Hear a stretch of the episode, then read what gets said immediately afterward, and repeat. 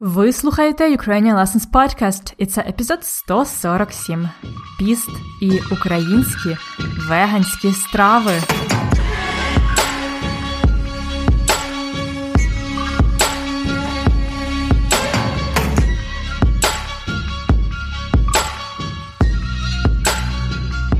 Привіт!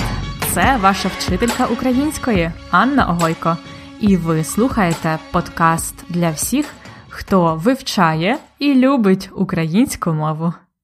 На подкасті я розповідаю вам щось цікавеньке про Україну, українців і нашу культуру. Сьогодні поговоримо на одну з моїх улюблених тем на тему їжі і харчування. У попередньому епізоді я вам розповідала про масницю, традицію святкування перед Великим постом.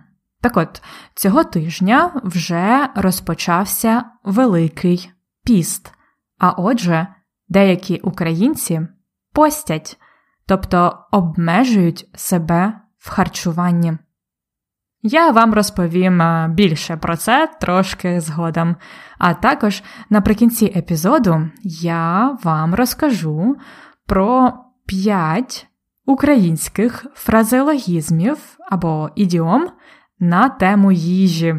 Тому послухайте цей епізод до кінця. А поки що я дуже рада поділитися з вами ще одним голосовим повідомленням від слухача подкасту. Його звати Ісак. Він зараз е, живе в Україні, але родом з Америки. Він чудово, дуже чітко розмовляє українською. Готові послухати його? Всім привіт! Мене звати Ісак, я американець та живу в Україні. Я потрапив сюди кілька років тому через волонтерство. Потім закохався в українку та одружився з нею. Її звати Жанна. Ми живемо в місті Вінниця, де я викладаю англійською і вона вчитель йоги. Ми нещодавно взяли песика Мопс, її звати Ляля та їй один рік. Ми з нею любимо гуляти в парку, та деякі кафе навіть дозволяють нас заходити до них собакою, виявляєте. Вона так прикрасила наше життя, і ми точно не продаємо нашого шарика за газ. Мені дуже сподобалось минулий епізод про діалекти, та оскільки я живу в Вінниці, часто чую, як ви сказали, південно-західне наріччя та багато росіянізмів. Тут багато людей говорять суржику, тому треба знати і українська, і російська мова. Я недавно почав вивчати російську та був приємно здивований дізнатися що я вже знаю багато слів. Дякую, Сужику. Чекаю з нетерпінням на наступний епізод та бажаю вам усім успіху на вивчення будь-якої іноземної мови. На все добре! Дуже дякую, Ісаку, за цю прекрасну історію. Дуже рада вас чути. Ісак живе у місті Вінниця. Він потрапив в Україну через волонтерство але закохався і лишився тут жити. Схожа історія на Христину з третього сезону, правда? Дружину Ісака звати Жанна. Вона інструктор з йоги. Просто супер. Я теж люблю займатися йогою. А сам Ісак е, викладає англійську мову у Вінниці. Також у них є собака Мопс на ім'я Ляля. І, як каже Ісак, вона прикрасила їхнє життя. Просто чудово. І деякі кафе навіть дозволяють їм заходити з собакою. Ісак каже: Уявляєте? Це дивно, бо це не дуже типово. На жаль, багато кафе не дозволяють заходити з собакою. Також Ісак каже, що йому допомагає суржик. У Вінниці це досить типова форма мови. Суржик. Більше про суржик я розповідала на подкасті. Це був епізод номер 135. І ще раз дуже вдячна вам, Ісаку, за таке радісне, гарне повідомлення. Я залюбки надішлю вам листівку у Вінницю. І чекаю на ваші повідомлення, шановні слухачі подкасту. А зараз перейдімо до теми їжі.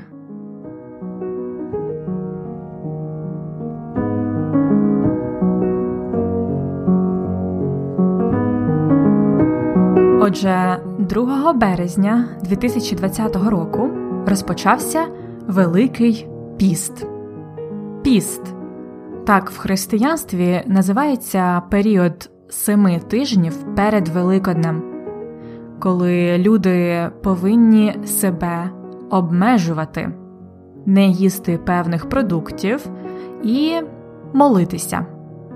Можна сказати, що піст це певна духовна практика, коли християни намагаються очистити своє тіло і також свою душу, і таким чином підготуватися до Великодня. Отже, одна частина посту це своєрідна дієта. Віряни, тобто люди, які вірять, відмовляються від вживання молока, яєць, риби і страв, які містять ці продукти. А друга частина посту це робота над собою, спокійне, стримане життя, коли люди намагаються стримувати свої емоції. Від посту звільняються хворі люди, вагітні жінки та жінки, які годують дитину, а також студенти в період екзаменів. Ці люди можуть не постити, тобто не обмежувати себе в дієті. До речі, вам, мабуть, буде цікаво дізнатися, скільки людей в Україні дотримуються посту, так? За різними статистиками, це до 20% українців. Деякі з них постять е, не щодня, а, наприклад, е, двічі на тиждень, або тільки в останній тиждень перед Великоднем. Можна сказати, що людина, яка дотримується посту, дотримується вегетаріанської або веганської навіть дієти, бо це страви без м'яса, без молочних продуктів і без яєць. Такі страви українською мовою ще називають пісними. Це пісні страви тобто страви, які можна вживати під час посту. Також під час посту бажано не їсти солодкі десерти і, звичайно, не можна вживати алкоголь. І лише у специфічні дні посту дозволено їсти рибу. Я вирішила сьогодні поділитися з вами кількома українськими пісними стравами. І, відповідно, це будуть веганські страви. Це, можна сказати, традиційні українські веганські страви, правда? Але в Україні ми називаємо їх пісні страви. Також в Україні ми часто кажемо перші страви і другі страви. Перші страви це супи. Ви, мабуть, знаєте, що супи це велика частина української кухні. Це борщ, грибна юшка, гороховий, гречаний суп. Так от, будь-який з цих супів може бути пісним або веганським. Просто не потрібно класти туди м'ясо і сметану. Тому під час посту готують е, так званий пісний борщ. Це може бути червоний борщ з буряком, або пісний зелений борщ зі щавлем та іншою зеленню, але без яєць і без м'яса.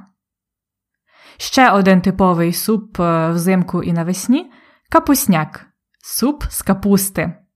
Це хороший варіант, тому що капусту можна цілу зиму зберігати в холодному місці. Є навіть така українська приказка борщ та капуста, хата не пуста. Тобто, якщо є капуста, то завжди буде що їсти. Борщ та капуста, хата не пуста. Також е, зазвичай е, пісною стравою є грибна юшка. Її дуже смачно готують е, в Карпатах, там багато смачних грибів. Далі, якщо говорити про другі страви, то це насамперед різноманітні страви з картоплі. Може бути просто картопля, запечена з часником, картопля по-селянськи, знаєте, може бути смажена, варена картопля, або, наприклад, така смачна страва, як картопляні зрази, або картопляні пиріжки. Це майже те саме. Ви чули таке? Зрази? Щоб приготувати картопляні зрази, треба відварити картоплю і зробити з неї пюре. Тоді з цього пюре роблять такі пиріжечки з начинкою. Це може бути м'ясо, але в пісному варіанті це гриби або капуста. Тоді ці пиріжки або зрази смажать. Це дуже смачно, особливо з супом. М-м, Думаю, треба буде і собі приготувати зрази на вихідних. Ще з картоплею можна робити овочеве рагу. Це такі різні тушковані овочі: морква, цибуля, капуста, кабачки, броколі, картопля, все, що є вдома. Можна зробити з цього всього тушковані овочі або овочеве рагу. Якщо ви бували в пузатій хаті, то ви знаєте, що я маю на увазі. Також е, дуже типовий різновид других страв це каша. Борщ це наш батько, а каша це наша матір, казала моя бабуся. Це ідеальна комбінація на обід. На перше борщ, і на друге каша. Борщ це наш батько, а каша це наша матір. Саме такий, мабуть, е, традиційний український обід. Обід в Україні це найбільший прийом їжі. І, відповідно, обід може бути повністю пісним. Якщо це пісний борщ і каша. Каша це страва з будь-якої крупи. Наприклад, з гречки гречана каша, з пшениці пшенична каша, з пшона пшоняна каша. Кашу можна варити на воді або на молоці. Ну, якщо кашу варити на молоці, то це буде молочна каша, наприклад, молочна гречана каша. Але молочна каша не пісна, це не пісний варіант. Молочні каші часто дають їсти діткам. Ну, а пісний варіант каші без молока і без м'яса це може бути, наприклад, гречана каша з грибами або гарбузова каша, це рисова чи пшоняна каша з гарбузом. Ця каша дуже смачна і гарна, така помаранчева. Ну і на сніданок, звичайно, часто їдять вівсянку, вівсяну кашу. Під час посту це зазвичай вівсянка без молока, тобто вівсянка на воді. З сухофруктами може бути з варенням. Ще кілька варіантів пісних страв це пісні деруни, тобто без яєць і без сметани.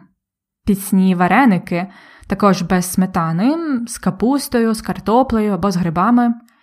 І ще дуже смачне пісне горохове пюре. Також можуть бути різні консерви, наприклад, кабачкова ікра, ну і, звичайно, салати. Наприклад, один із е, традиційних українських салатів називається вінегрет. Це салат е, з буряка, квашеного огірка, квасолі та інших овочів, типовий зимовий салат. Отже, як бачите, в українській кухні є чимало вегетаріанських і веганських традиційних страв. І пов'язано це насамперед з тим, що православні українці дотримуються посту, обмежень у харчуванні перед Великоднем. Також може бути піст перед Різдвом і іншими релігійними святами. Можливо, і ви спробуєте приготувати такі українські страви, картопляні зрази, пісний борщ чи вінегрет.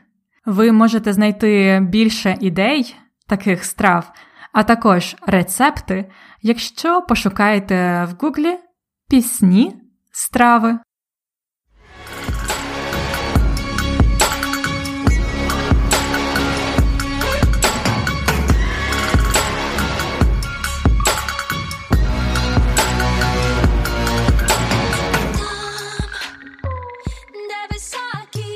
Як я вам обіцяла на початку епізоду, сьогодні я поділюся з вами п'ятьма фразеологізмами, які пов'язані з їжею і харчуванням. Я вибрала тільки п'ять, але, звичайно, їх є набагато більше. Перший фразеологізм ні риба, ні м'ясо. Чули такий? Ні риба, ні м'ясо це про людину, яка не має чіткої позиції. Людина, яка не має особливих рис характеру, така, можна сказати, нецікава, пасивна людина. Ні риба, ні м'ясо.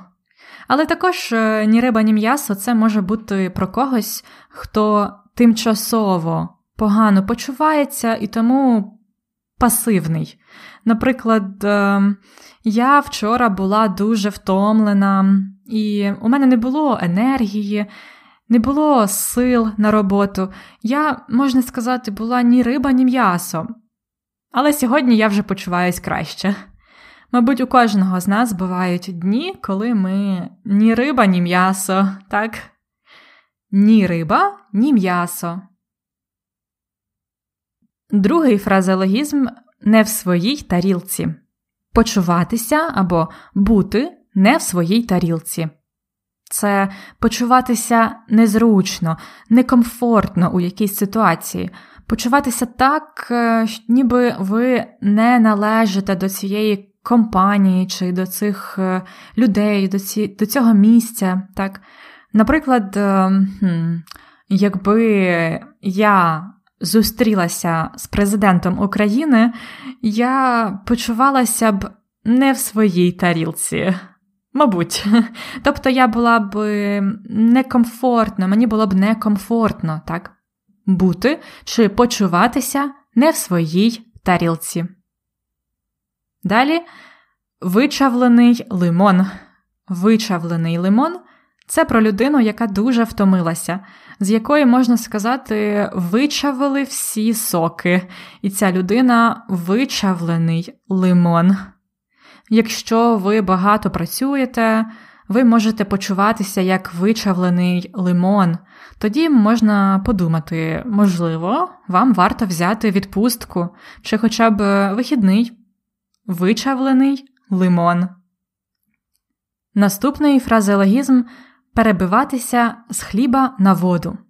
Перебиватися з хліба на воду означає жити бідно, не мати можливості купити собі достатньо їжі та інших речей, перебиватися з хліба на воду. Є ще інші варіанти цього фразеологізма перебиватися з юшки на квас або перебиватися з копійки на копійку. Наприклад, е, вони дуже бідна сім'я, вони перебиваються з хліба на воду, тому що мама і тато не працюють. Треба їм допомогти. Перебиватися з хліба на воду. І останній фразеологізм заварити кашу. Заварити кашу. Це означає почати робити щось е, дуже велике, дуже заплутане, і це тільки спричиняє багато проблем. Зазвичай е, заварити кашу ми вживаємо в негативному значенні. Тобто хтось придумав робити щось дуже складне, і це призводить е, тільки до проблем, до неприємних ситуацій. Такій людині можна сказати: Ти заварив цю кашу, то ти займайся цим. Так? Це твоя проблема. Ти заварив цю кашу, тобто ти почав робити цю дурницю. Тому ти і займайся цим. Заварити кашу.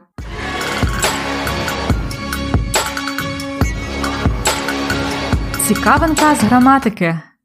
Сьогодні хочу розповісти вам трохи про пряму мову. Це тема трохи така візуальна, бо вам варто побачити, які розділові знаки ми вживаємо, але я спробую описати це словами. І також, як завжди, ви можете знайти більше інформації на цю тему в конспекті уроку. Так от, пряма мова це певна цитата, певні слова, які належать комусь іншому. Наприклад, борщ це наш батько, а каша це наша матір, казала моя бабуся. Пряма мова тут е, борщ це наш батько, а каша це наша матір. Це пряма мова. Ми беремо її в лапки. лапки. В українській мові є чіткі правила записання прямої мови. І вони відрізняються трохи від, е, наприклад, англійської мови. Ось, наприклад, тут ми пишемо лапки, борщ це наш батько, а каша це наша матір. Знову лапки, кома, тире, казала моя бабуся. Ми кажемо відкриваємо лапки і закриваємо лапки. Тобто відкриваємо лапки, борщ це наш батько, а каша це наша матір. Закриваємо лапки, ставимо кому, тире і пишемо казала моя бабуся. Отже, якщо спочатку йде пряма мова, а потім слова автора, то ми вживаємо тире, довге таке тире. А якщо навпаки, спочатку слова автора, а потім пряма мова, то вживаємо двокрапку, тобто дві такі крапки, знаєте. Ось, наприклад, е, я казала, є така українська приказка: двокрапка, лапки, борщ та капуста, хата не пуста, закриваємо лапки, крапка.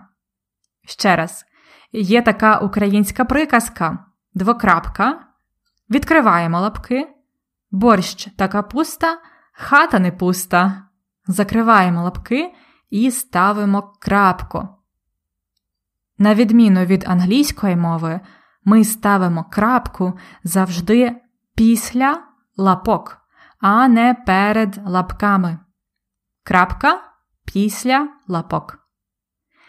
Я розумію, що таку інформацію трохи може бути важко сприймати на слух.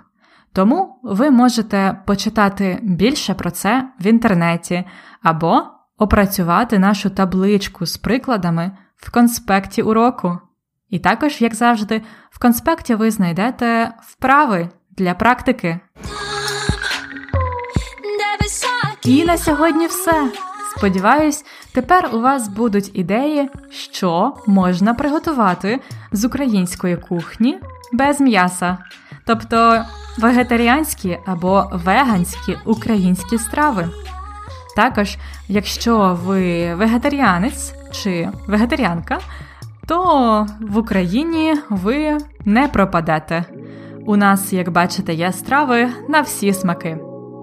І не забувайте, що ви можете також завантажити конспект уроку, щоб прочитати повний текст епізоду, побачити переклад складних слів, опрацювати ще раз фразеологізми, граматику, а також зробити вправи для практики. Конспекти уроків доступні за преміум підпискою, більше про яку ви можете дізнатися на сторінці епізоду ukrainianlessons.com риска епізод 147 ukrainianlessons.com slash episode 147. Бажаю вам всього найкращого! Хай щастить! На все добре!